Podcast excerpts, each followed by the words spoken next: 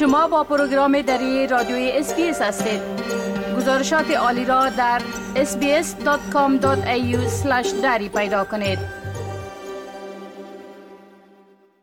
حال همکارم سامنوری درباره موضوعاتی که در ای هفته در وبسایت ما نشر شده معلومات میتن. در وبسایت برنامه دری رادیوی SBS به آدرس sbs.com.au دری. هر روز مطالب جالب و دانستنی درباره موضوعات گوناگون نشر میشه آقای انوری سلام عرض می کنم خب اولتر از همه اگر لطفا به صورت مجموعی بگوین که چی موضوعات مهمه در این هفته در وبسایت ما نشر شده. با سلام به شما و شنوندگان عزیز. خب این هفته در استرالیا موضوع مالیات سوپرانیویشن یا حساب های پسنداز تقاعد داغ بود. حکومت کارگر بعد از راه اندازی یک بحث یک هفته‌ای درباره آینده سیستم superannuation استرالیا روز سهشنبه اعلام کرد که می‌خواهد تخفیف مالیاتی موجود را برای حساب های با موجودی بیشتر از 3 میلیون دلار لغو کنه که این موضوع با مخالفت تندی از سوی اپوزیسیون فدرال مواجه شد. موضوع قابل توجه دیگر راه اندازی یک کمپین آگاهی دهی در باره جاسوسی از جوامع مهاجر توسط قدرت های خارجی بود. پلیس فدرال با راه اندازی کمپین از مردم خواست که بدون حراس از افشای هویتشان موارد مشکوک به جاسوسی را به آنها گزارش بدن. موضوع دیگر ممنوع شدن فروش 55 قلم داروی سرفه حاوی ماده به نام فولکودین بود. که اداره محصولات درمانی استرالیا اعلام کرد که بعد از بررسی ها 55 قلم دوای سرفه خشک را از فهرست دواهای مجاز استرالیا حذف کرده و از فروشندگان هم درخواست کرد که از فروش اینها خودداری کنند. اگر شنوندگان ما مایل باشند که نامی تمام دواهای فراخوانده شده را بدانند می‌تونند که در پایان گزارش در وبسایت ما لینک او را پیدا کنند. گزارش دیگری در مورد راه اندازی یک کمپین جمعوری خون توسط مسلمانان استرالیا داشتیم. این کارزار مشترکاً توسط انجمن طبیبان مسلمان استرالیا و صلیب سرخ استرالیا در بیش از چل مسجد در سراسر کشور راه اندازی شده و گزارش هم داشتیم درباره اینکه یک حکومتداری محلی در سیدنی تصمیم داره نقشه سنگی افغانستان را در یکی از پارک های خود نصب کنه موضوعی را که خیلی دوست دارم با شنوندگان عزیزمان شریک کنم ای است که ما در اسپیس داری مجموعه پودکاست جدیدی زیر نام روزنه به استرالیا که موضوعش هم فرهنگ استرالیایی است روی دست داریم و این اولین قسمت این مجموعه شش قسمتی زیر عنوان چرا استرالیایی ها عاشق ساحل هستند این هفته نشر شد.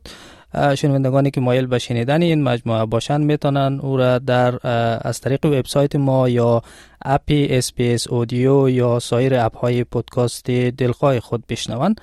علاوه بر اینها مطالب متعدد دیگری از جمله درباره تازه های بازار مسکن تغییر قوانین سفر به اروپا و اهمیت دانستن کمک های اولیه داشتیم که شنوندگان عزیز ما می‌تونن اونها را در وبسایت ما دنبال کنند.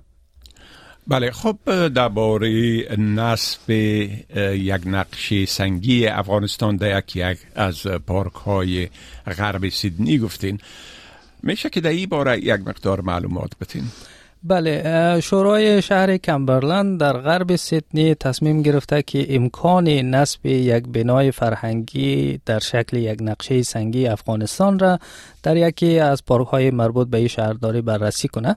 در جلسه شورای شهر که به تاریخ 15 فوریه برگزار شده بود ابتدا دو نفر به نمایندگی از افغانهای ساکن کمبرلند درخواست خود را مبنی بر نصب یک نقشه سنگی افغانستان در پارک هولروید گاردنز واقع در ناحیه مریلند مطرح کردند و بعد از او هم کنسولر استیو کریستو پیشنهاد امکان سنجی پروژه را در شورا مطرح کرد.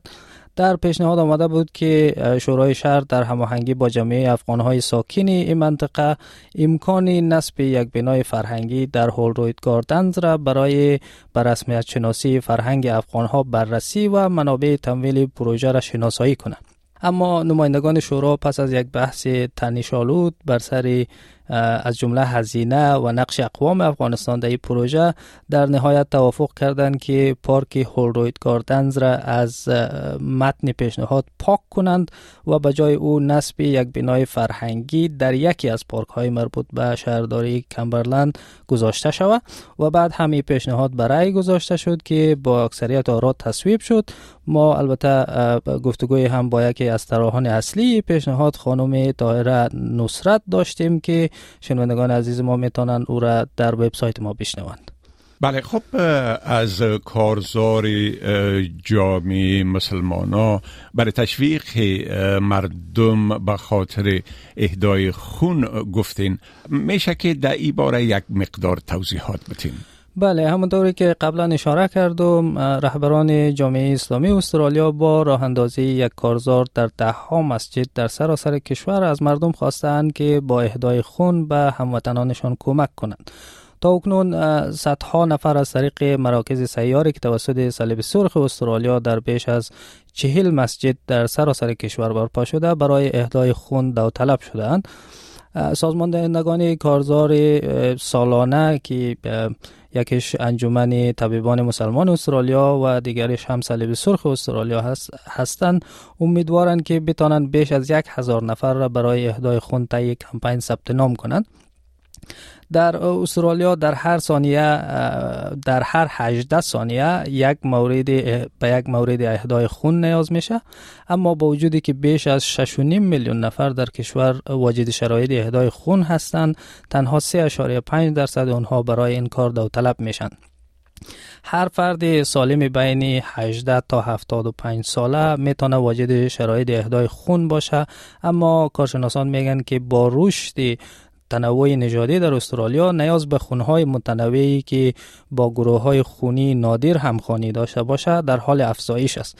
بنابراین هدف اصلی کارزاری است که افراد بیشتری را از میان جوامع فرهنگی و زبانی متنوع به اهدای خون تشویق کنند. بله خب بسیار تشکر آقای انوری از این معلوماتتان و فعلا شما را به خدا می سپارم روزتان خوش. تشکر از شما. خدا نگهدار. می خواهید این گونه گزارش ها را بیشتر بشنوید؟ به این گزارشات از طریق Apple Podcast، Google Podcast، Spotify و یا هر جایی که پادکاستتان را می گیرید گوش دهید.